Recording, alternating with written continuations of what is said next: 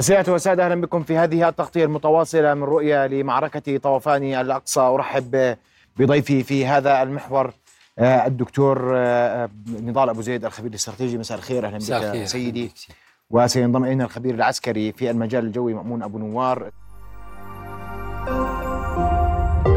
رؤيا بودكاست. سيكون حديثنا في المحور الأول عسكريا حول ما حدث آه، يوم أمس. وأبدأ معك أستاذ نضال. والسؤال الأول حتى فقط آه، يطلع الجميع على فكرة أن آه، الحديث كان عن انقطاع الاتصالات انقطاع الإنترنت والظلام الدامس الذي كان يسود غزة آه، ليلة أمس وهو ظلام مستمر منذ فترة طويلة. العملية العسكرية بدأت بقطع الاتصالات كافة وبضربات جوية كثيفة على مختلف مناطق قطاع غزة. لماذا كل ذلك؟ لماذا غير الاحتلال كل استراتيجيته التي كان يتعامل فيها في المرات السابقة ليتعامل هذه المرة بهذه الطريقة؟ نعم. أستاذ محمد بداية أسعد الله مساءك. أنت ومستمعك الكرام.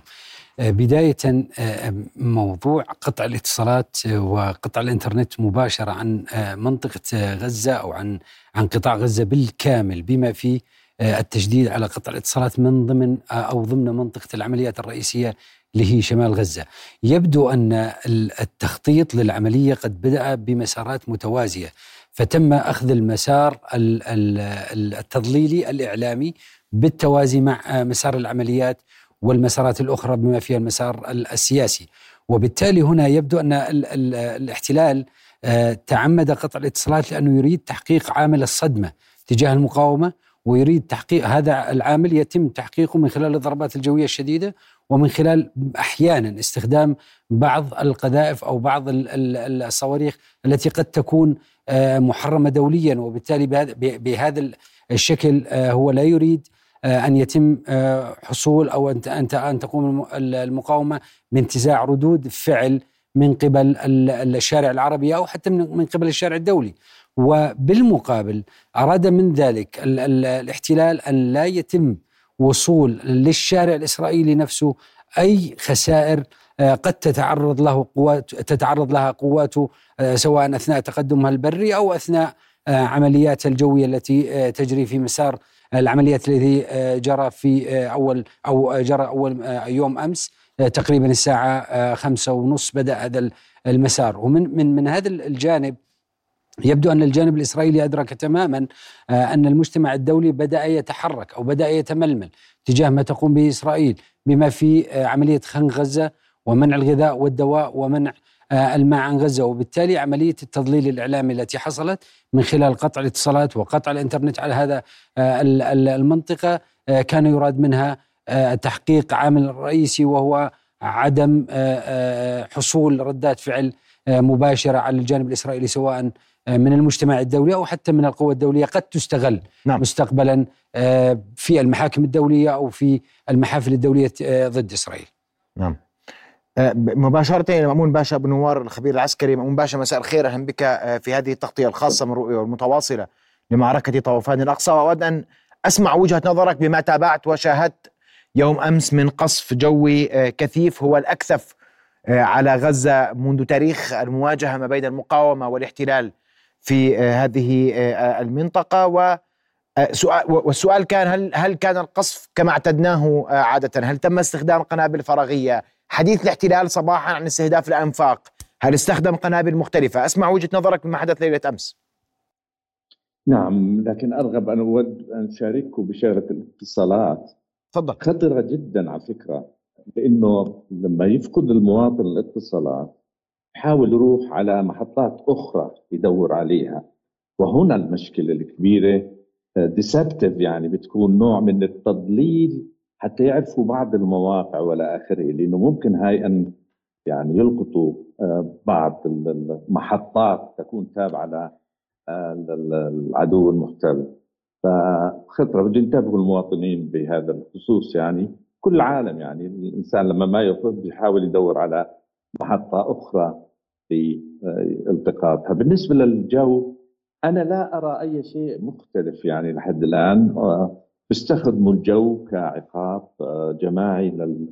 وورقة ضغط عملية تهجير قسري استخدموا القنابل بكل أنواعها الجي دامز ال thermobaric وأيضا ال SPICE. هدول كلهم خارقات للأماكن المحصنة. ال thermobaric هاي فراغية يعني بتقتل البشر وبتهد البيوت أيضا. هدول كلهم يعني عادة يعني بحب أوضح هنا القنابل هي غبية. لما يوضعوا عليها آه، آه، التوجيه ال sensor الاستشعار اللي بيحدد الهدف وبضرب عليه بصير دقيقة جدا زائد ناقص مترين إلى متر.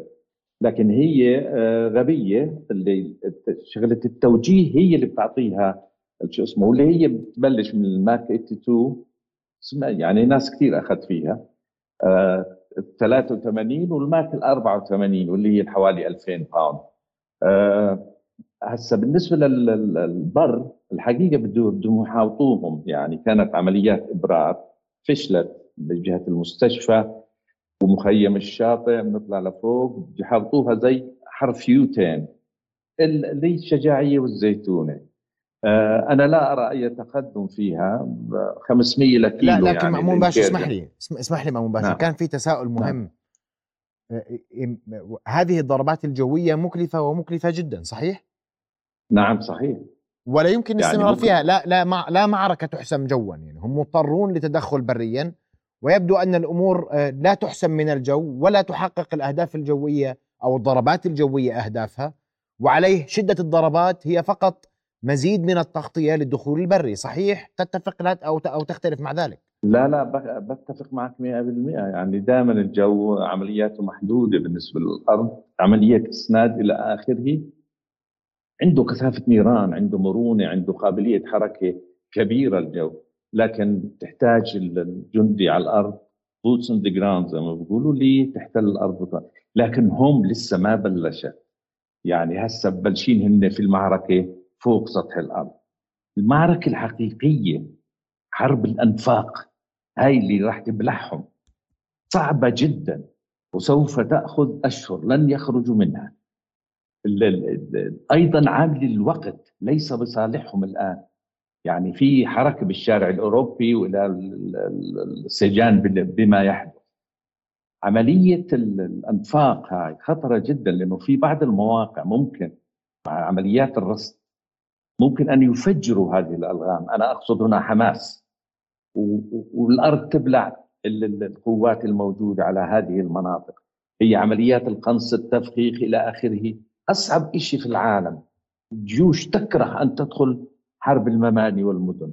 يعني معروف هذا الشيء حماس يعني ممكن ان خايفين من الهجوم أو التقدم لأنه ممكن أن حماس يعملوا التحويط عليهم أيضا. بيطلعوا لهم من من أماكن من الأنفاق. وهن بيكونوا متقدمين بيجوهم من الخلف. فهذا يعني هن عمالهم بي يعني بيكونوا حذرين دقيقين في عملية التقدم تبعهم. ولحد الآن أنا لا أرى أي تقدم بالنسبة لهم إلا ما زبعات بالهواء يعني كمان. بقتلوا الأبرياء والى آخره كما نرى هذا. لكن هل في تغيير صحيح؟ هل صدوا حماس؟ هل مصادر قوته إلى آخره؟ ولا يمكن هذه حرب باشا اسمح لي بس أنا في, في هذا الإطار وأنا بحكي في إطار عسكري المقاومة نعم. فاجأت الجميع أنه رغم كل ما يحدث من ضربات جوية هي آه، ترسانتها الصاروخية لا تزال تعمل تقصف وترفع المدى تزيد مدى القصف تزيد دقة هذا القصف بئر السبع اليوم مثال مهم تل أبيب تتعرض لهجمات هنا وهناك القبة الحديدية تفشل في اختراق بعض الصواريخ. رغم كل القصف هناك مناطق ممسوحة يعني صارت على مستوى الأرض لكن رغم ذلك تخرج قذائف صاروخية من من غزة باتجاه المناطق المحتلة 48 ما دلالات ذلك عسكريا على أقل تقدير خاصة مع كل الجهد الذي بذله سلاح جو الاحتلال لتحييد على الأقل هذا السلاح الذي لا يمكن تحييده حتى اللحظة. يعني هذا بدلك إنه لا يزال آه، حماس تهدد العمق الاستراتيجي آه، الإسرائيلي. تستطيع أن تشل البلد كامل يعني تشلها بالنسبة للحصار الجوي آه، أيضا الاقتصاد قيادات والسيطرة القيادات السياسية. هي كلها أهداف يعني اليوم ضربوا دمونا كما نسمع. لكن دمونا بدها يعني الأسلحة تكون خارقة لحي يصلها. ولا أعتقد يعني ممكن أن يقوم بهذا يعني آه، في عندك حيفا الامونيا هذه خطرة أيضا. آه، كثير يعني شغلة غير المعنوية اللي بتعطيها والرعب والهلع والإرباك تخليهم يهاجروا من المناطق هاي المستوطنين فبتلعب دور هاي لكن الرشقات هاي أكيد راح تكون محسوبة. وبتغطي كل إسرائيل مع دقة الإصابة آه آه هذا ما يحدث بالنسبة للرشقات الصاروخية يعني نعم آه بالنسبة هل هذا يعني نعم. فشل العمليات الجوية حتى اللحظة عشان نسمي الأمور مسمياتها عسكريا على أقل تقدير؟ لا هم لم يضربوا لغاية هذا التاريخ المطارات العسكرية فيما لو ضربوها اسمح لي باشا أنا أقصد هل ضربات نعم.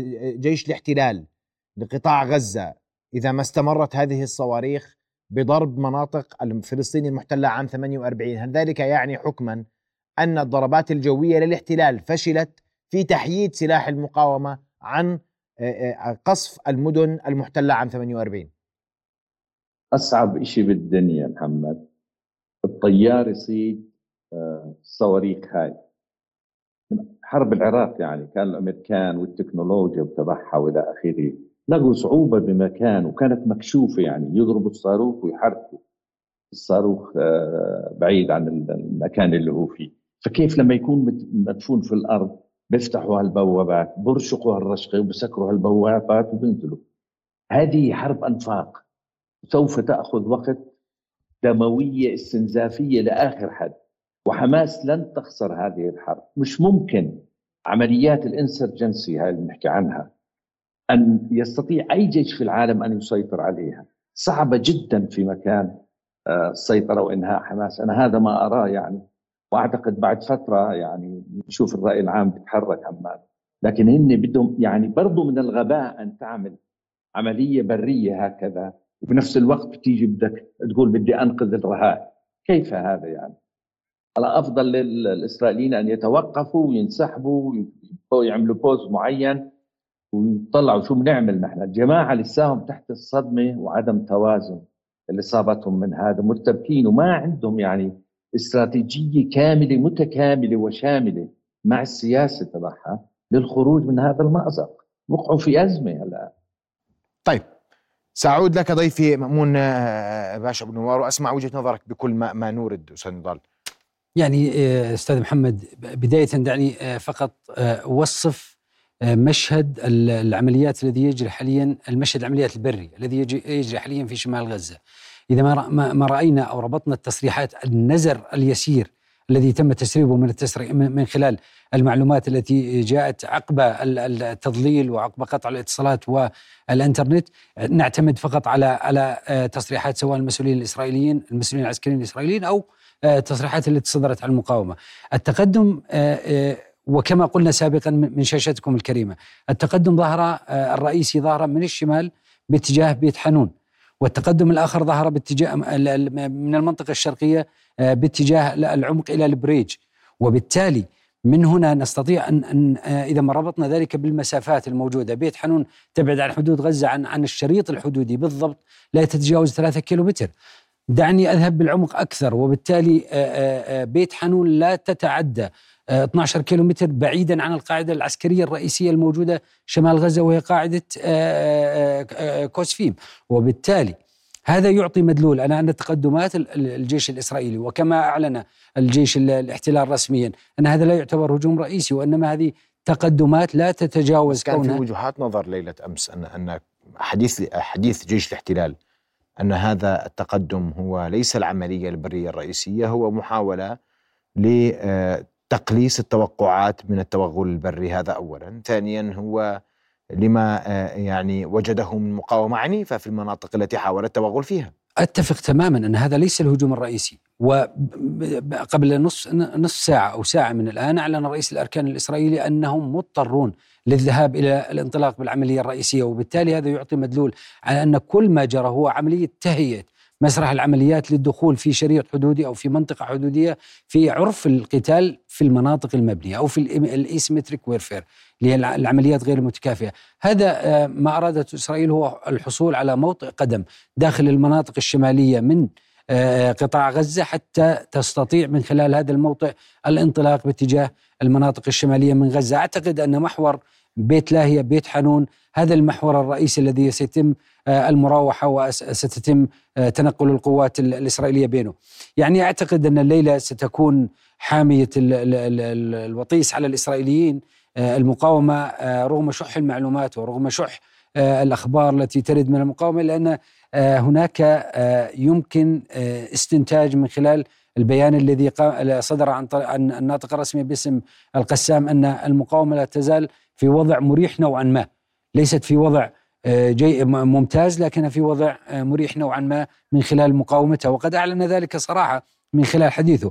وبالمناسبة في بيانه طرح مبادرة حين قال أن عملية الأسرى الموجودين عند حماس قد تذهب باتجاه المقاومة مقابل تبييض السجون الإسرائيلية.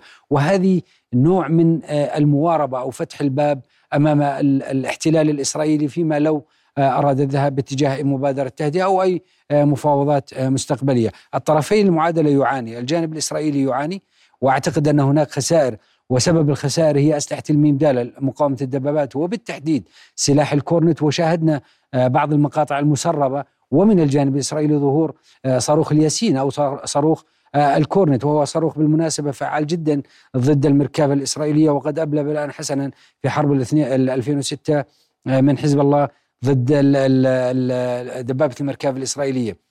لغاية الآن لا تتوفر الكثير من المعلومات عما يجري وهذا متعمد من قبل الجانب الإسرائيلي لأن تصورنا حتى, حتى أبو عبيدة اليوم عندما ظهر للحديث عن المستجدات أوضح أنه تم إيقاع خسائر في الاحتلال وتحدث بوضوح أكبر وتحدث انه يبدو أن صفقة صفقة تبييض السجون أو صفقة تبادل الأسرى إن صح التعبير ستمر عبر مراحل أو ستمر لمرة واحدة على الطاولة اليوم وبشكل أكبر من المعتاد. يعني أعتقد أن ما ورد في تصريح أبو عبيدة هو فتح الباب أو جعل الباب مواربا لأي مبادرة قد تطرح في هذا المجال.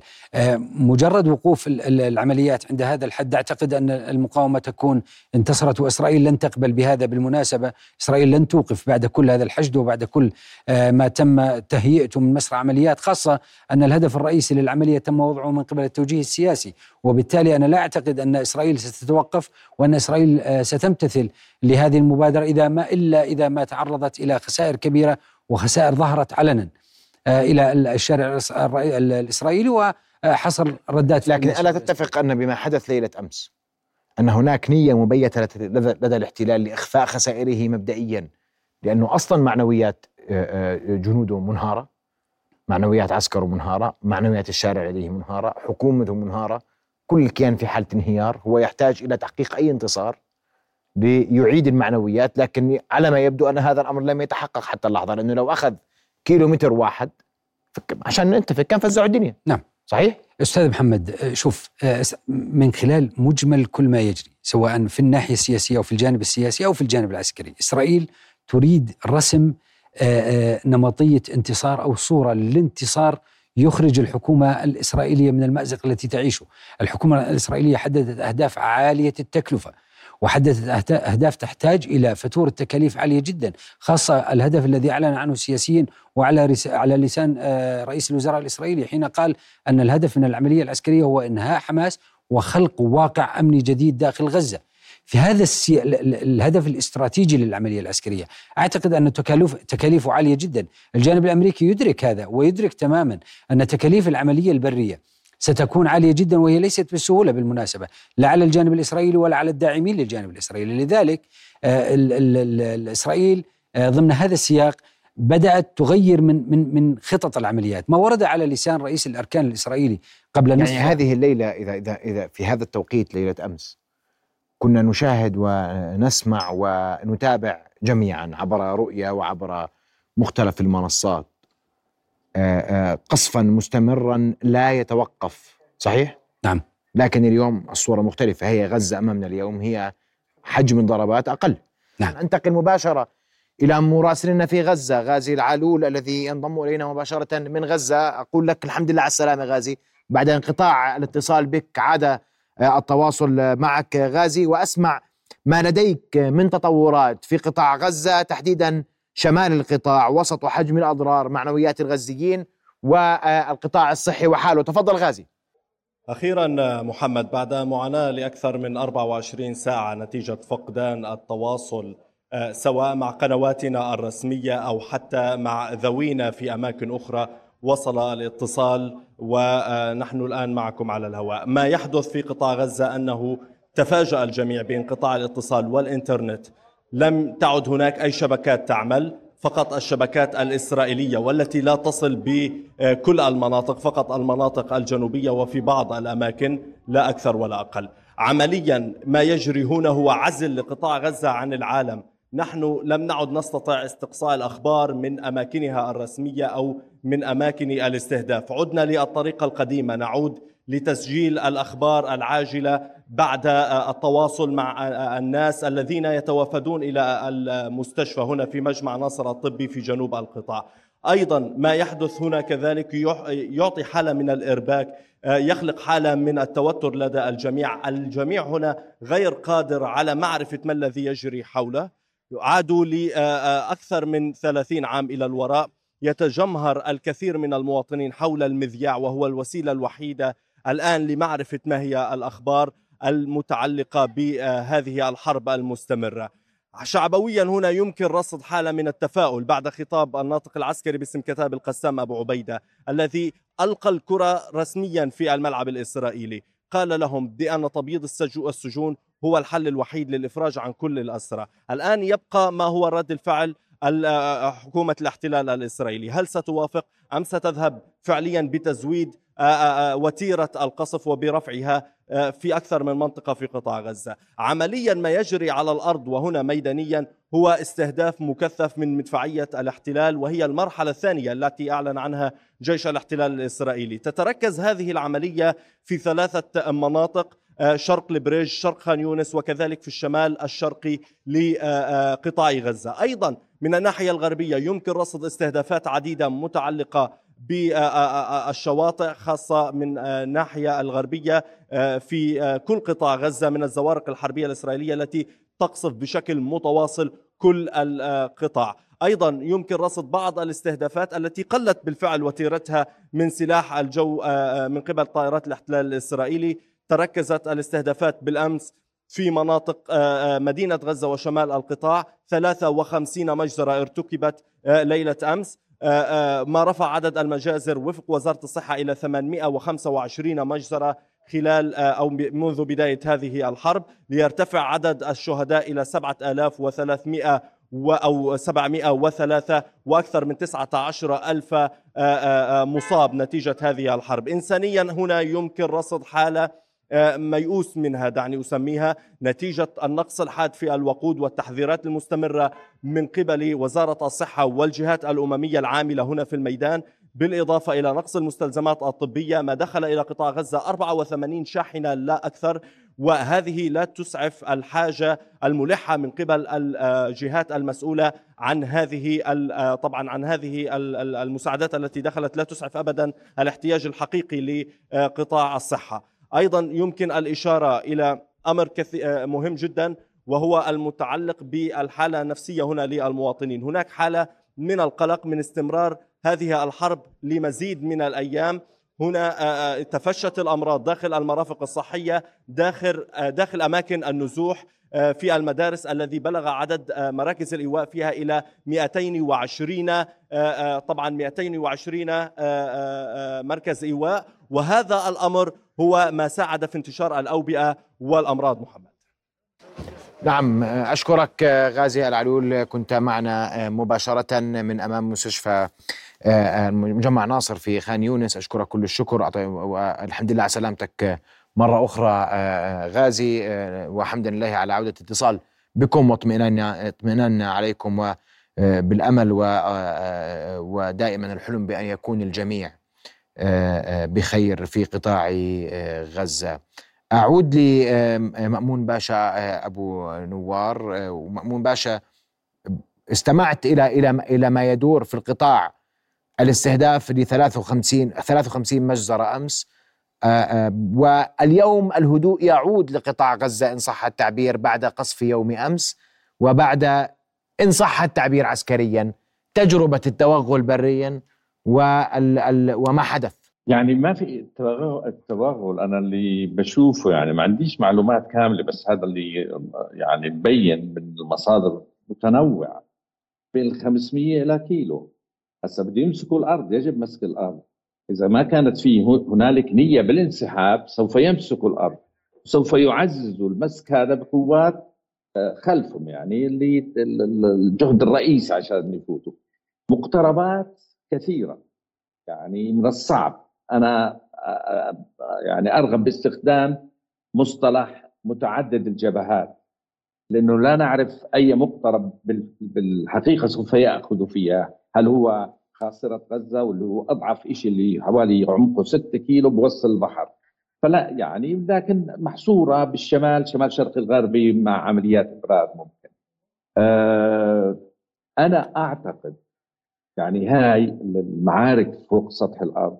سوف تستمر بالكورنيت الياسين المصائد الكمان القنص إلى آخره. يعني حكينا فيها إنه صعبة جدا. لكن في عامل مهم جدا هون يجب أن أذكره ال equalizer يعني في عندك قوة جوية إسرائيلية وعندك المعادلة لها الأنفاق. وحرب الأنفاق لسه لم نبدأ بها.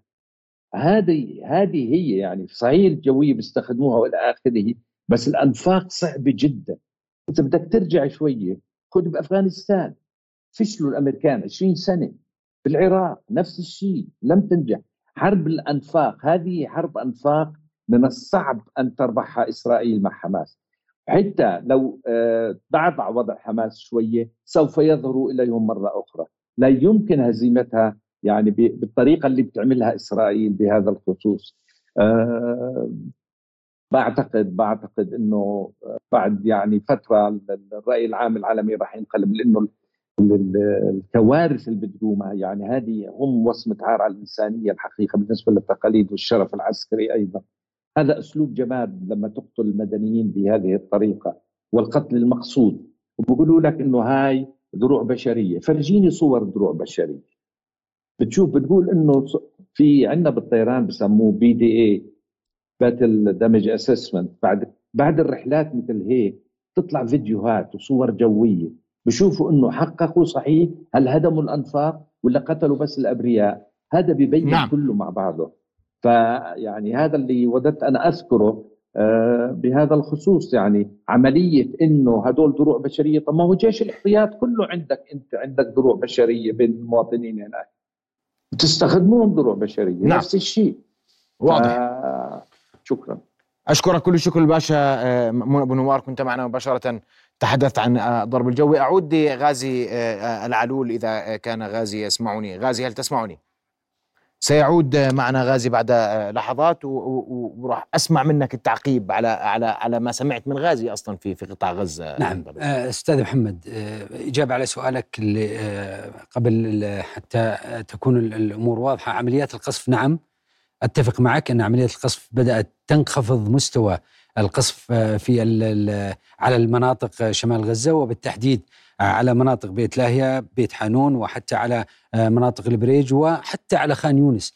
آه، هذه العملية في عمليات القصف يبدو أن عمليات القصف التمهيد التي كانت تجري منذ ليلة أمس لتحقيق عامل الصدمة حتى تهيئ الأرضية لدخول جزء من القوات آه، لما تحدثنا عنه سابقا وأحداث موطئ قدم للقوات البرية أعتقد أن آه، هذا الزخم من آه، العمليات القصف قد قد خبى نوعا ما أو قد خف نوعا ما وبالتالي ستتجه الآن القوات بعد تصريحات رئيس الأركان الاسرائيلي لأن الا أنه أصبح مضطرا للدخول في العملية البرية الرئيسية، بالتالي قد نشاهد قذائف المدفعية الآن وهي مرحلة اسناد القوات التي ستتقدم إذا إذا ما ذهبنا إلى الخارطة الموجودة أمامنا هي المنطقة الشمالية وهو الحزام المنطلق آه، بالتحديد في مناطق شمال غزة وهي المناطق التي تتركز عليها عمليات القصف الآن الرئيسية. وأنت تتحدث عن آه، النقطة الأساسية التي يتركز فيها القصف الآن وهي المناطق الشمالية في القطاع. نعم.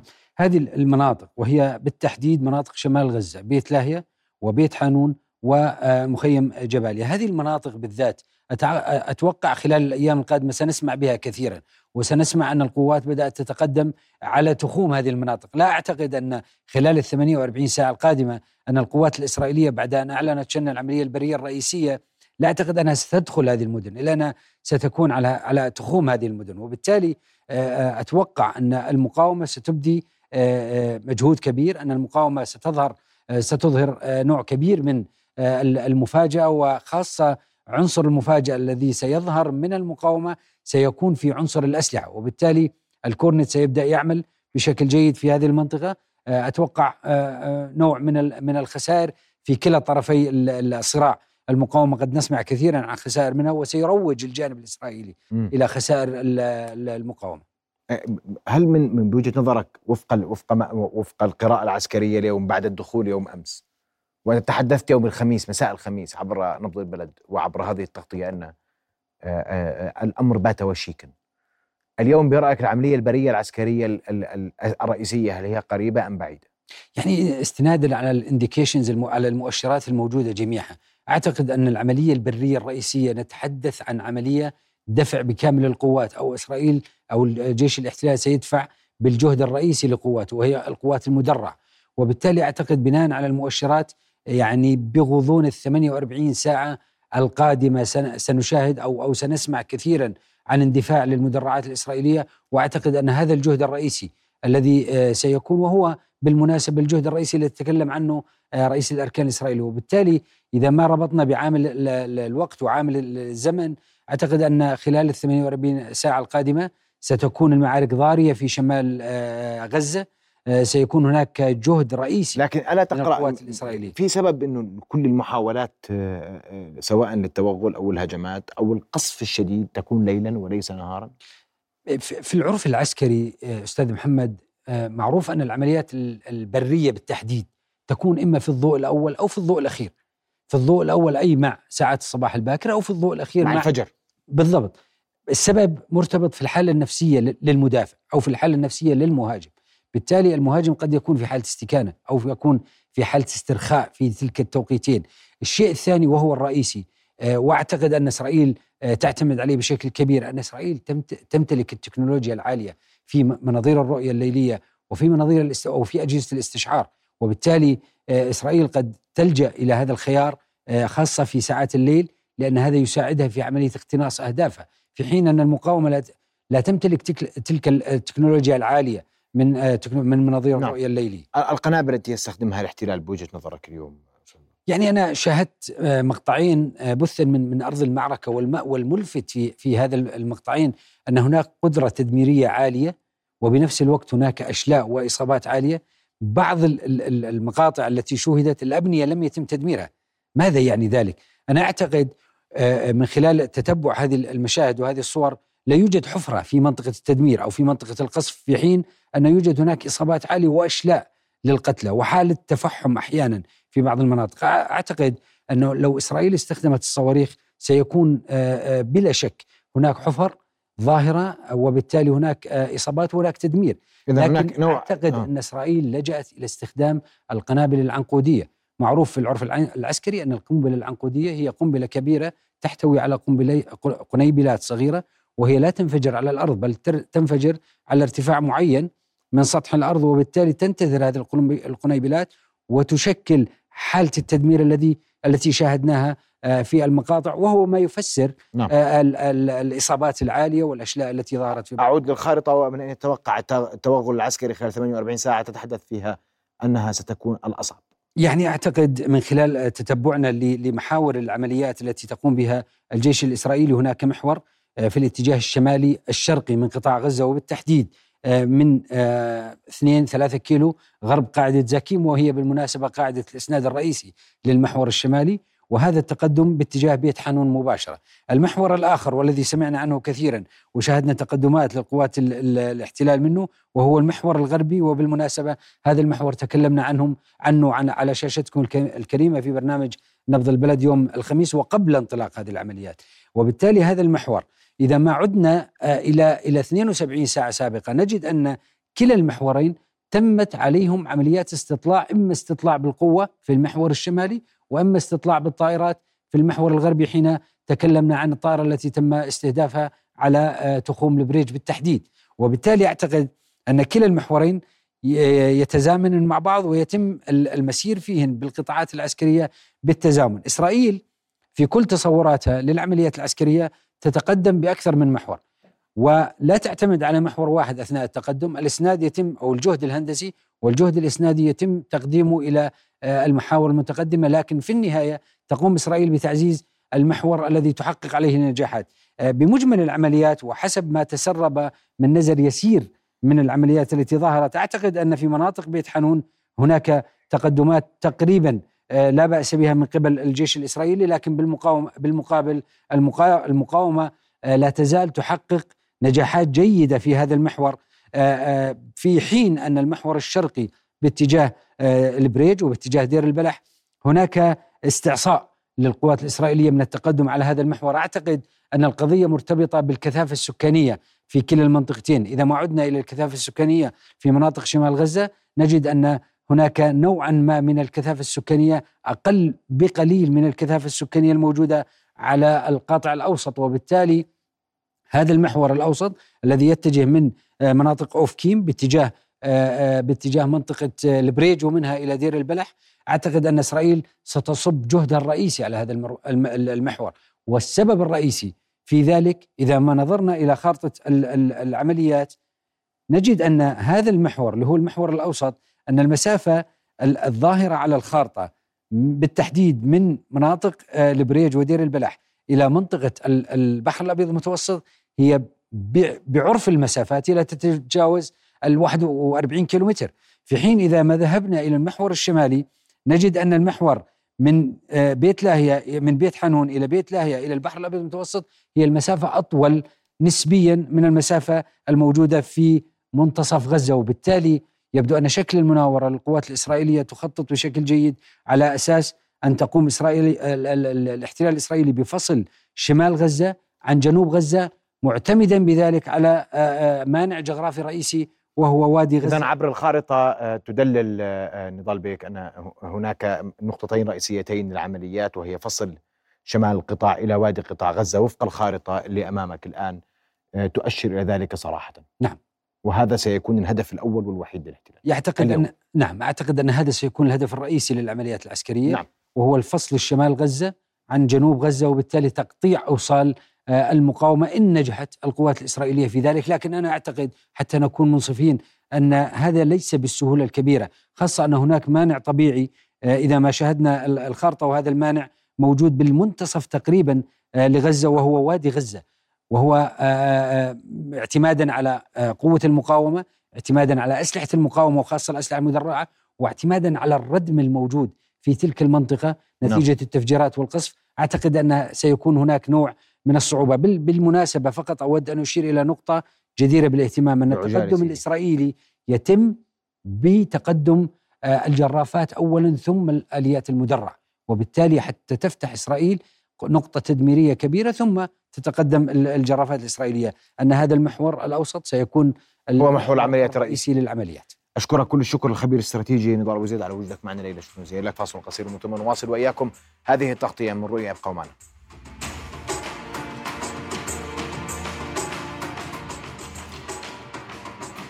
نواصل وإياكم هذه التغطية. وفي هذه الأثناء يعقد رئيس آه، وزراء الاحتلال نتنياهو مؤتمرا صحفيا. تحدث نتنياهو أو يتحدث نتنياهو خلال هذا المؤتمر عن توسيع العملية البرية ويدعي أنه لا يتناقض مع سعي للإفراج عن المخطوفين وفق توصيفه وتحدث نتنياهو أنه لا لا تراجع عن هدف القضاء آه، على حركة حماس وأن آه، الاحتلال يسعى للانتقال إلى المرحلة التالية وتوسيع العملية البرية آه، وفي ذات السياق وفي ذات التوقيت صافرة الإنذار دوت في محيط تل أبيب وغلاف قطاع غزة.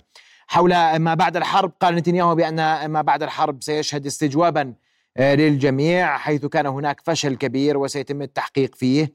آه، وأكد نتنياهو أن التحقيق سيشمل الجميع لكن ليس الآن وفق توصيفه. سبق ذلك أيضا حديث لوزير دفاع الاحتلال حول أن العملية البرية أو أن حماس جلبت لنفسها الكارثة وفق توصيفه وأنه يتم التعامل مع منظمة وفق ما أوصفها وصفها جانتس تحاول تقسيم مجتمع الاحتلال مدعيا أنهم سيفشلوا ولكن الحقائق تقول غير ذلك. وجانتس كان تحدث بأنه لا يوجد شيء لن نقوم به من أجل إعادة الأسرى أو ما أسماهم المخطوفين في قطاع غزة.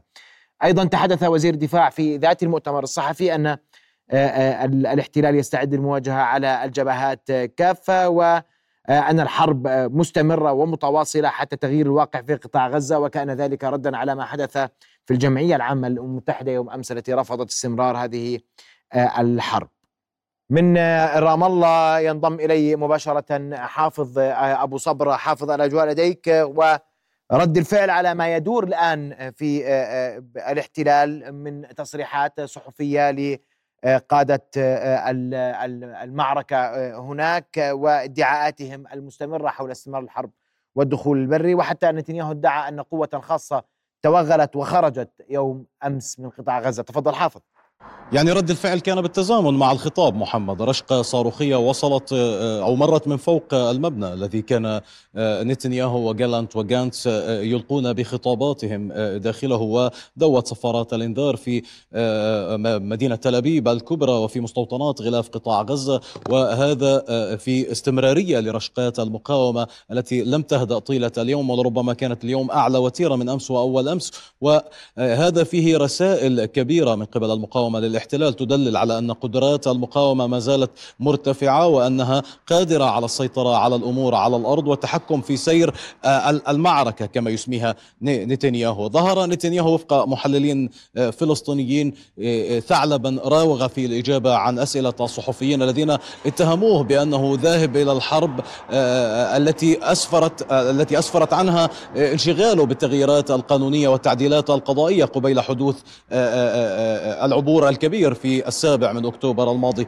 يعني أبرز ما ورد في آه، آه، خطاب نتنياهو ومحاولته التهرب من تحمل المسؤولية عما جرى من فشل كما وصفه الإعلام العبري فيما يتعلق بالعبور الكبير يوم السابع من أكتوبر وقال بأن كل من يتحمل المسؤولية سيتم حسابه بعد الانتهاء من الأمور. يقرأ المحللون أن تغيرا في الخطاب جرى فيما يتعلق بأن كان الهدف القضاء على حماس بشكل كامل ليتحول إلى شكل مصغر من القضاء على قدرات حماس وفقا لما ورد في الخطابات الثلاثة للمسؤولين الإسرائيليين. ويعني آه، ما يتعلق بأنه آه، آه، ذكر أكثر من مرة الحروب الأولى لإنشاء دولة الكيان ما بين نهاية العام 47 وبين أيار من العام 48 عندما قام هذا الكيان فوق أراضينا الفلسطينية المسلوبة عام 48 في الداخل المحتل.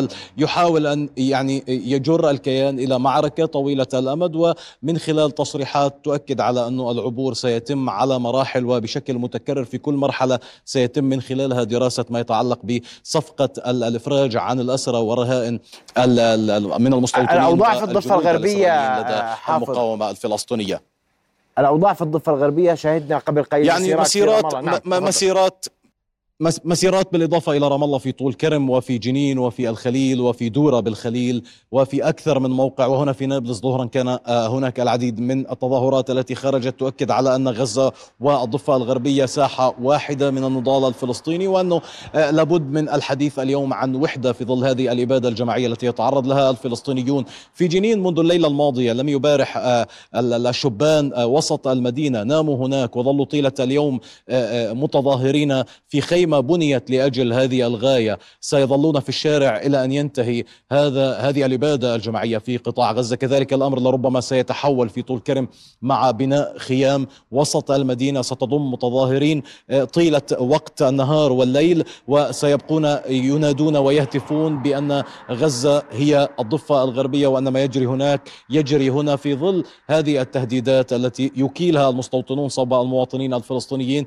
بضرورة أن يهاجروا إلى الأردن الأردن لأنها الفرصة الأخيرة قبيل ما أسموها بالنكبة الجديدة التي سيصنعونها بحق هؤلاء المواطنين الفلسطينيين. ويعني بوادر هذه النكبة بدت واضحة مع السابع من أكتوبر وما جرى من اعتداءات بعد ذلك من آه، من قبل المستوطنين بالشراكة مع قوات الاحتلال. كنا سابقا نقول بأن المستوطنين ينفذون اعتداءاتهم وجرائمهم. بحماية من قوات الاحتلال اليوم الأمر صار واضحا ومفضوحا. صارت الاعتداءات تنفذ ما بين المستوطنين بالشراكة مع قوات الاحتلال اليوم. أحد المستوطنين قتل فلسطينيا في الأربعين من عمره أب لأربعة أطفال يعمل في بيع الميرمية والنعنع وسط مدينة رام الله. كان يقطف ثمار الزيتون مع بدء الموسم في الأراضي الفلسطينية في قرية الساوية للجنوب من نابلس المحتلة. هوجم هو وعائلته من مجموعة من المستوطنين المسلحين للأسف السلاح بيد المستوطنين صار رائجا بشكل كبير بعد عملية التسليح الكبيرة التي يطلقها ايتمار بن غفير الذي يحاول أن يجد له موقعا على الخارطة السياسية وخارطة اليمين المتطرفة الإسرائيلية بعد أن أبعد عن الكابينيت العسكري والسياسي نعم. فيحاول أن يمد جذوره ويديه في أنحاء الضفة الغربية مستوطن قتل بلال وقبله مستوطنون قتلوا سبعة فلسطينيين منذ السابع من أكتوبر في قصرة والساوية جنوب نابلس وفي دورة القرع. شمال رام الله. أشكرك كل الشكر حافظ أبو صبر كنت معنا مباشرة آه، من نابلس أرحب بضيفي اللواء المتقاعد واصف عرقات الخبير العسكري والاستراتيجي آه، آه، لواء واصف مساء الخير. وأسمع تقييمك لكل ما يحدث ولتصريحات الاحتلال قبل قليل. وزير الدفاع ورئيس وزراء الاحتلال. والحديث عن استمرار العملية توغلات محدودة إن صح التعبير وادعاءات هنا وهناك بأن ذلك كله يصب في خدمة الأسرى لدى, لدى المقاومة. رأيك بما يحدث واصف بك يعني واضح أولا ما زالت القيادات سواء كانت سياسية أو عسكرية إسرائيلية مسكونة في الصدمة والرعب التي أحدثتها المقاومة الفلسطينية يوم 17 فلذلك هم يحاولون أن يستردوا بعض من المعنويات وبعض من من الصورة من صورة الكيان الصهيوني الذي كان بمثابة لوح زجاج وانكسر وتبعثر يحاولون لملمة هذا الوضع. آه، رغم أن الأمريكي جاء في اليوم الأول وجلب معه يعني حامل الطائرات من أجل ترميم المعنويات إلا أن آه، حتى الحضور الأمريكي ربما ربما أضاف آه، للموقف الإسرائيلي المشوب يعني بالضبابية ضبابية أكثر وإرباك أكثر لأنه حينما اجتمع بايدن مع نتنياهو يعني آه، قال له ابحث عن خطط بديلة عن الحرب البرية وهذا إن دل على شيء يدل على أنه يعني بايدن غير راضي عن أن يقوم الجيش الإسرائيلي بتنفيذ حرب برية. آه، نتنياهو هناك خلافات بينه وبين وزرائه حول العملية البرية. أيضا هناك خلاف مع المؤسسة العسكرية، المؤسسة العسكرية تريد الانتقام، تريد الانتقام، فبالتالي هذا هذا الموقف نتج عنه أن أن يعني قاموا قام الجيش الإسرائيلي بتنفيذ عدة عمليات تسمى في العلم العسكري جس نبض واستطلاع بالقوة ولكنها فشلت. فلذلك اضطر نتنياهو وجيشه وبالمناسبة حتى الآن نتنياهو يرفض التوقيع على قرار الحرب البرية. لذلك نلاحظ أن هناك تسميات وهناك تلاعب بالألفاظ حول العملية البرية. تارة يقولون أنها مناورة وتارة يقولون أنها عملية برية موسعة أو تارة محدودة. ولكن الاسرائيلي الأمريكي حسم الموقف وقال هي عملية برية متدحرجة. بمعنى أن ما يجري الآن على على الأرض هي عملية برية في مراحلها الأولى. وهذا طبعا وضع نتنياهو في موقف محرج ووضع وزير الحرب في موقف محرج لأنهم كانوا يريدون التعويم. لا يريدون أن يقولوا أنها حرب برية حتى إذا آه، فشلوا. لا يحسب عليهم فشل. يقولوا هذه كانت عملية برية محدودة ولا ونفذنا أهدافنا وانسحبنا. الآن أصبح أصبح لزاما عليهم بعد أن وضعوا وضعوا في خانة حشرهم فيها الأمريكي. بأن هذه مر... يعني عملية متدحرجة مرحلة أولى. فإما فإما أن يتوقفوا عند هذا الحد وإما أن يدفعوا بمزيد من القوات. ولكن ما ما يجري الآن على أرض الواقع حجم التقدم على الأرض لا يتناسب مع حجم القوات التي دفع بها للمنطقة. ما زالت المدفعية الإسرائيلية يعني تشتبك وتقصف ذات المواقع التي تقدمت عليها القوات الإسرائيلية بالأمس. وهذا يعني أنهم لم يحرزوا أي تقدم على في أرض المعركة سوى بضعة مئات من الأمتار. ولاحظ أخي العزيز أن حتى محاور التقدم سواء كانت شمال شرق بيت حنون أو أو من الشرق باتجاه البريج هذه هذا محورين يعني هما أسهل المحاور للجيش الإسرائيلي حتى يتقدم ويتراجع. يعني هم يعني خاضوا هذه العملية البرية وفي ذهنهم أنهم سينسحبون نعم. أو لتحقيق سرعة الانسحاب ويقولوا حققنا أهدافنا علما بأن حتى الآن لم يحققوا أي هدف بما فيه يعني مسك الأرض على أرض الواقع.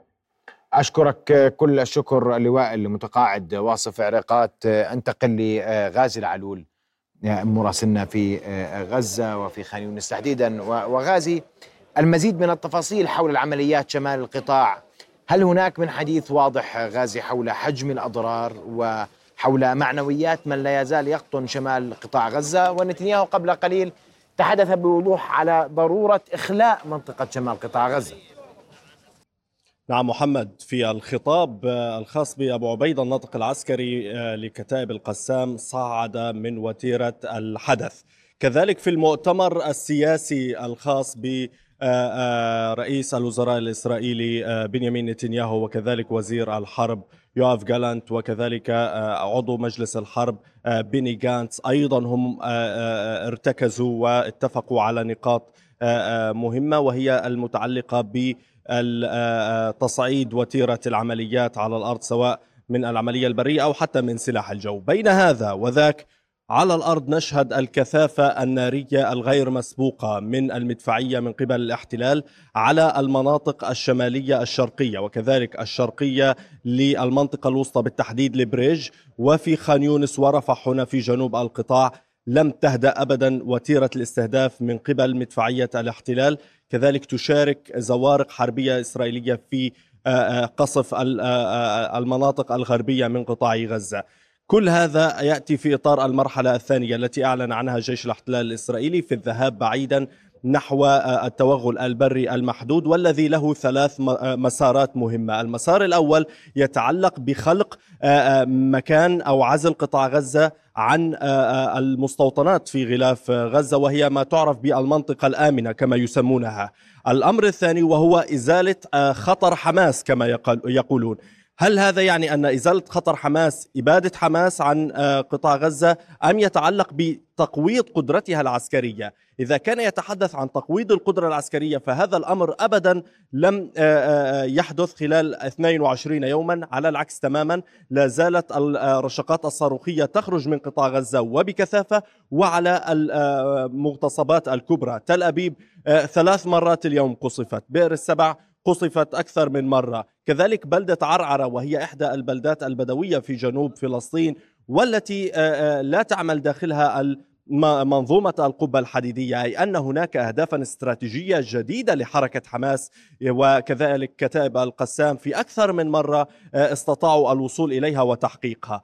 الآن يبقى الحديث الدائر حول إمكانية الذهاب إلى صفقة متعلقة بالرهائن. حماس ألقت الكرة بالفعل بالملعب الإسرائيلي. تبييض السجون مقابل الإفراج عن كل الأسرى سواء حملة الجنسيات أو حتى الجنود الإسرائيليين من جنرالات وكذلك أصحاب الرتب في إسرائيل. هذا الأمر يبقى الآن في ملعب الملعب حكومة الاحتلال الإسرائيلي، هل ستقبل به أم ستذهب بالفعل كما يقول نتنياهو ويدعي في إطار الحرب النفسية إلى أخذ خطوة في ما يتعلق بالحرب البرية والقضاء على حماس وكتائب القسام. إذا ما تحدثنا عن المناطق المستهدفة في شمال القطاع والتي شهدت أكبر قدر ممكن من الكتلة النارية خلال 22 يوما فإن هذا يدفعنا للحديث عن 70% من منازل المدنيين وبيت حنون على وجه التحديد 70% منها قد مسحت ومحيت عن الأرض. على الرغم من ذلك تستطيع كتائب القسام وقواتها العاملة على الأرض التصدي للهجمات من جانب جيش الاحتلال الإسرائيلي سواء من الشمال أو في مناطق أخرى، كذلك أكثر من مرة على الرغم من قوة هذه الاستهدافات إلا أنها تمكنت من الدخول إلى قاعدة زكيم، كذلك أريد الإشارة إلى أن أبو عبيدة نوه إلى أمر غاية في الأهمية ويعني قال عن الرواية الإسرائيلية الكاذبة بأنه في حدث زكيم وتوغل القوات القسامية إلى هذه القاعدة من خلال البحر وأتحدث هنا عن الكوماندوز بأنه قال ثلاثة فقط من القساميين ذهبوا إلى هذه الأراضي وهذه القاعدة واشتبكوا مع جنود الاحتلال. في المقابل يدعي الاحتلال أنه قتل عشرة من مقاتلي كتائب القسام أي أنه وضعه في مأزق حقيقي. بات غير قادر على الدفاع عن نفسه أمام الجمهور الإسرائيلي. نعم نعم غازي فيما يخص نشهد حالة إنسانية صعبة محمد فيما يتعلق بالمستشفيات بمدارس النزوح التي بلغ عددها. فيما ف... أنا أتحدث عن ذلك غازي فيما يخص القطاع الصحي والحديث أيضا عن المعنويات معنويات الغزيين اليوم سواء في شمال شمال القطاع في وسط القطاع أو في جنوبه. وتعاملهم مع كل ما يحدث من قطع اتصالات قطع الإنترنت وكم القصف القصف الجوي الذي يتشدد. والحال الآن غازي هل هو بات؟ هل الليلة أهدأ بالتأكيد لكن ما الاستعداد لهذه الليلة غازي؟ لا أخفيك سرا محمد. الحاله هنا آه، سيئة للغاية على المستوى النفسي فيما يتعلق بالأوضاع الإنسانية هنا. هناك أزمة حقيقية في دورات المياه في الحصول على المياه الصالحة للشرب في الحصول على مياه صالحة للاستحمام. كذلك فيما يتعلق بالأمراض والأوبئة التي انتشرت داخل أماكن النزوح والمستشفيات التي باتت هنا في مجمع ناصر أكثر من خمسين ألف نازح أي أننا نتحدث عن مدينة كاملة موجودة في هذه المساحة وفي داخل هذه المرافق. هناك حالة من الازدحام وهو ما يؤثر على الأوضاع النفسية للفلسطينيين هنا. لكن في المقابل مع خطاب أبو عبيدة وفي كل مرة يخرج كتائب القسام بتغريدة أو بخطاب أو بكلمة مسجلة فإن المعنويات تعود وترتفع. مع خطاب أبو عبيدة اليوم شهدنا داخل آه، مجمع ناصر الطبي حالة من الفرح حالة من آه، الثقة بالمقاومة الفلسطينية. هم أكدوا منذ البداية أنهم يقفون حول خيار المقاومة أيا كان آه، هذا الخيار وأنهم قادرون على التجاوب مع كل ما ترتئيه المقاومة المقاومة عفوا مناسبا. هنا نرصد أيضا وصول حالة من الإصابات داخل آه، آه، طبعا آه، سيارة مدنية. يمكن أيضا الإشارة هنا إلى أن سيارات الإسعاف باتت لا تستطيع معرفة أماكن الاستهداف إلا من خلال سيارات مدنية تستطيع الوصول إلى مجمع ناصر الطبي. المسعفون هنا يسألونهم أين مكان الاستهداف ومن ثم ينتقلون إلى المكان الآخر. وهناك إجراء آخر أو خطة بديلة أخرى متعلقة بتواجد سيارات الإسعاف في أكثر من منطقة أو في مناطق عالية لرصد طبيعة الأحداث حول المنطقة التي يعملون فيها. كل هذا آه، آه، يعني آه، يثقل كاهل المنظومة الصحية المهترئة أصلا خلال الفترة الماضية نتيجة عدم إدخال الوقود وعدم إدخال المستلزمات الطبية اللازمة. 84 شاحنة دخلت إلى قطاع غزة. أبدا لا تسعف المنظومة الصحية العاملة هنا داخل قطاع غزة. هنا الزملاء يشيرون إليه بوجود غارات عنيفة شرق خان يونس وهو ما كنا أشرنا إليه مسبقا. الغارات متعلقة بقصف مدفعي عنيف سواء في شرق رفح أو في خان يونس محمد. هناك حديث غازي عن الاستهداف لمجمع ناصر مجمع الشفاء مستشفى شهداء الأقصى والحديث عن مدى تعامل الغزيين بجدية مع هذه التهديدات لأن نشاهد بالصور آه، آه، مجمع ناصر آه، حيث تتواجد الشفاء شهداء الأقصى هناك تواجد كبير للمواطنين. وهناك أيضا الحديث عن مدى جدية الاحتلال في قصف هذه المناطق وهو يوم أمس قصف في محيط مستشفيات عدة في قطاع غزة وتحديدا محيط مستشفى الشفاء. تفضل غازي. نعم محمد في المستشفى الأندونيسي اليوم شهدنا العديد من الغارات التي عطلت أنظمة وأقسام الاتصالات نهائيا. كذلك أثرت على عمل الكهرباء والمولدات في هذه المستشفى التي تتعرض منذ البداية لاستهدافات عنيفة في محيطها. لكن التهديدات من جانب الاحتلال الإسرائيلي المتعلقة بالمستشفيات سواء ناصر أو الشفاء أو حتى مستشفيات أخرى هي منذ البداية هدد مستشفى القدس خمس مرات. تلقى مدير المستشفى بشار مراد خمسة اتصالات في أكثر من مرة بضرورة إفراغ المستشفيات. لكن يبقى السؤال هنا لدى الغزيين إلى أين يمكننا أن نذهب بعد هذه التهديدات؟ المستشفيات هي الملاذ الآمن بجانب المدارس ومراكز النزوح. وعلى الرغم من كل هذا يستطيع الفلسطينيون هنا التأكيد على أنهم لن يستطيعوا الرحيل. هم لا يجدون مكانا آخر غير هذه الأماكن يشعرون بها بالقليل من الأمان. على الرغم من الاستهدافات المتكررة سواء للمدارس التابعة للاونروا أو حتى للمتعلقة ب يعني المستشفيات كالمستشفى المعمداني الذي استشهد فيه نحو 500 فلسطيني. بالتالي لا خيارات أمام الفلسطينيين سوى الصمود والبقاء في أماكن تواجدهم والتهديدات الإسرائيلية. بشأن قصف المستشفيات ابدا لا تردع الفلسطينيين ولا تغير الفكرة العامة بأنهم لن يرحلوا. يعني اليوم الجميع الجميع ميقن يوقن هذه العباره عبارة لن نرحل لكن كم الضغط على جنوب قطاع غزة غازي؟ هذا تساؤل مهم. كم توفر الضروريات للحياة اليوم؟ سؤال مهم. تتحدث عن قطاع صحي منهار تتحدث عن لجوء لجنوب قطاع غزة ووسط قطاع غزة رغم الاستهداف. واليوم من بقي في شمال القطاع؟ وشمال القطاع وكما وسطه كما جنوبه كما كل مناطق القطاع هي حاضنة المقاومة.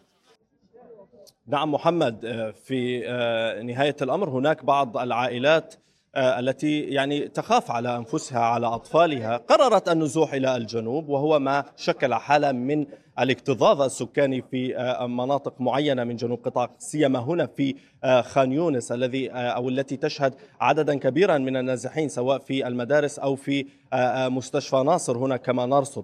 لكن هم لا يستطيعون ابدا التجاوب مع فكرة الخروج وترك منازلهم إلى إلى إلى الابد هم يستطيعون التاكيد انهم سيعودون في وقت ما ان تسنح لهم الفرصه بذلك وهناك عائلات بالفعل عادت إلى قطاع إلى مدينه غزه والى شمال القطاع بعد قناعتهم التامه بان هناك ان هذه الحرب من الممكن ان تطول أكثر وان لا خيار امامهم سوى البقاء في منازلهم والصمود وفي النهايه القدر أو نصيبهم سيلاحقهم سواء هنا في جنوب القطاع أو في مدينة غزة والشمال، هناك عائلات بالفعل نزحت من شمال القطاع ومن مدينة غزة واستشهدوا هنا في الجنوب، لذلك باتت هناك فكرة عامة لدى الفلسطينيين بإمكانية العودة في أي وقت كان خلال الأيام المقبلة إلى منازلهم سواء في مدينة غزة أو في شمال القطاع.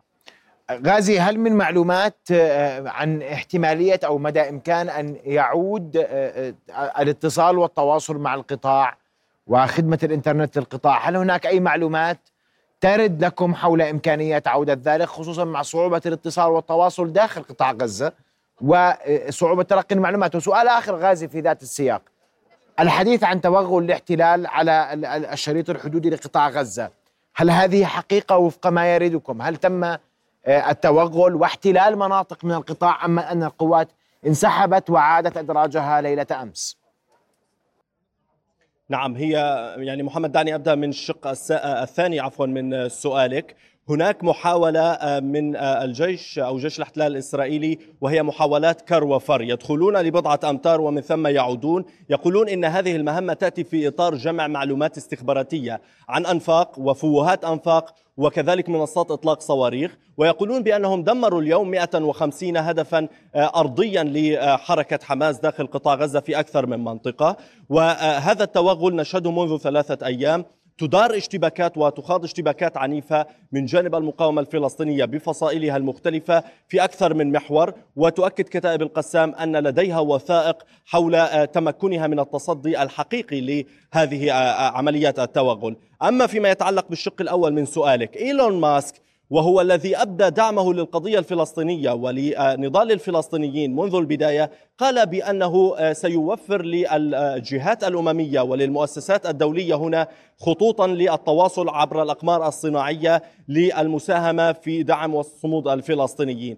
على الأرض هنا يمكن رصد بعض المحاولات من صحفيين من جهات أخرى لمحاولة استعادة الاتصال، البعض نجح، البعض يفشل، ولكن المحاولات حثيثة، لكن يبقى القرار في إعادة التواصل أو خطوط الاتصالات للفلسطينيين مرهونة بالقرار أو من جانب الاحتلال الإسرائيلي الذي يعني أخذ هذه الخطوة في إطار الحرب النفسية على الفلسطينيين. زاد الضغط خلق حالة من الارتباك والفوضى في صفوفهم وفي النهاية هم صامدون أيا كانت الحالة. نعم غازي هل هل هل لديك معلومات وأنت متواجد امام مستشفى ناصر حول وضع المستشفيات الأخرى في القطاع أعداد الجرحى المصابين يوم أمس تحديدا؟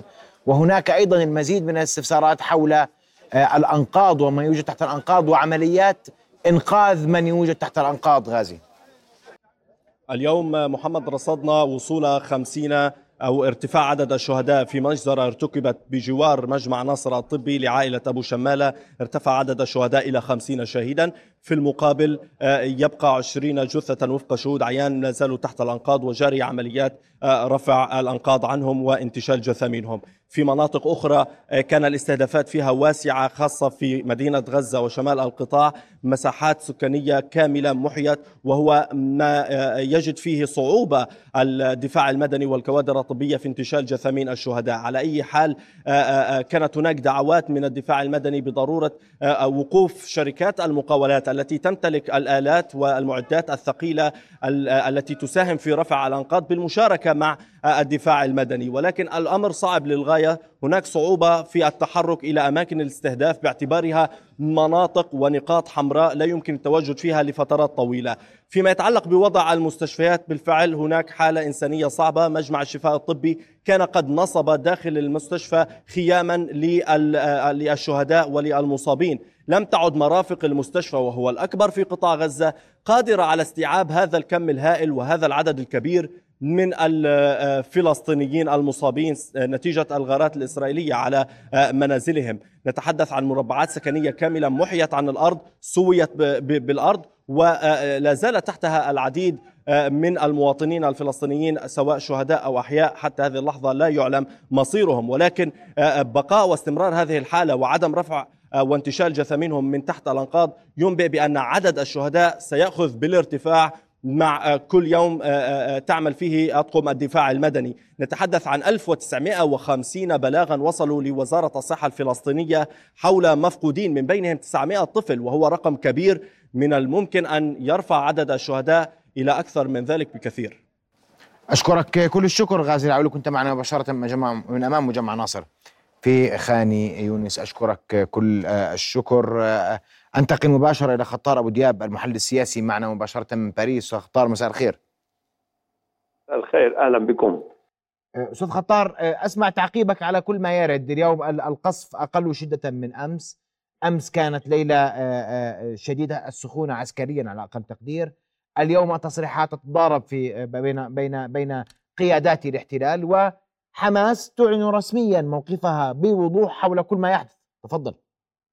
أحييكم وأحيي فريق العمل والجمهور الكريم وكل القابضين على الجمر في هذه الأيام الصعبة.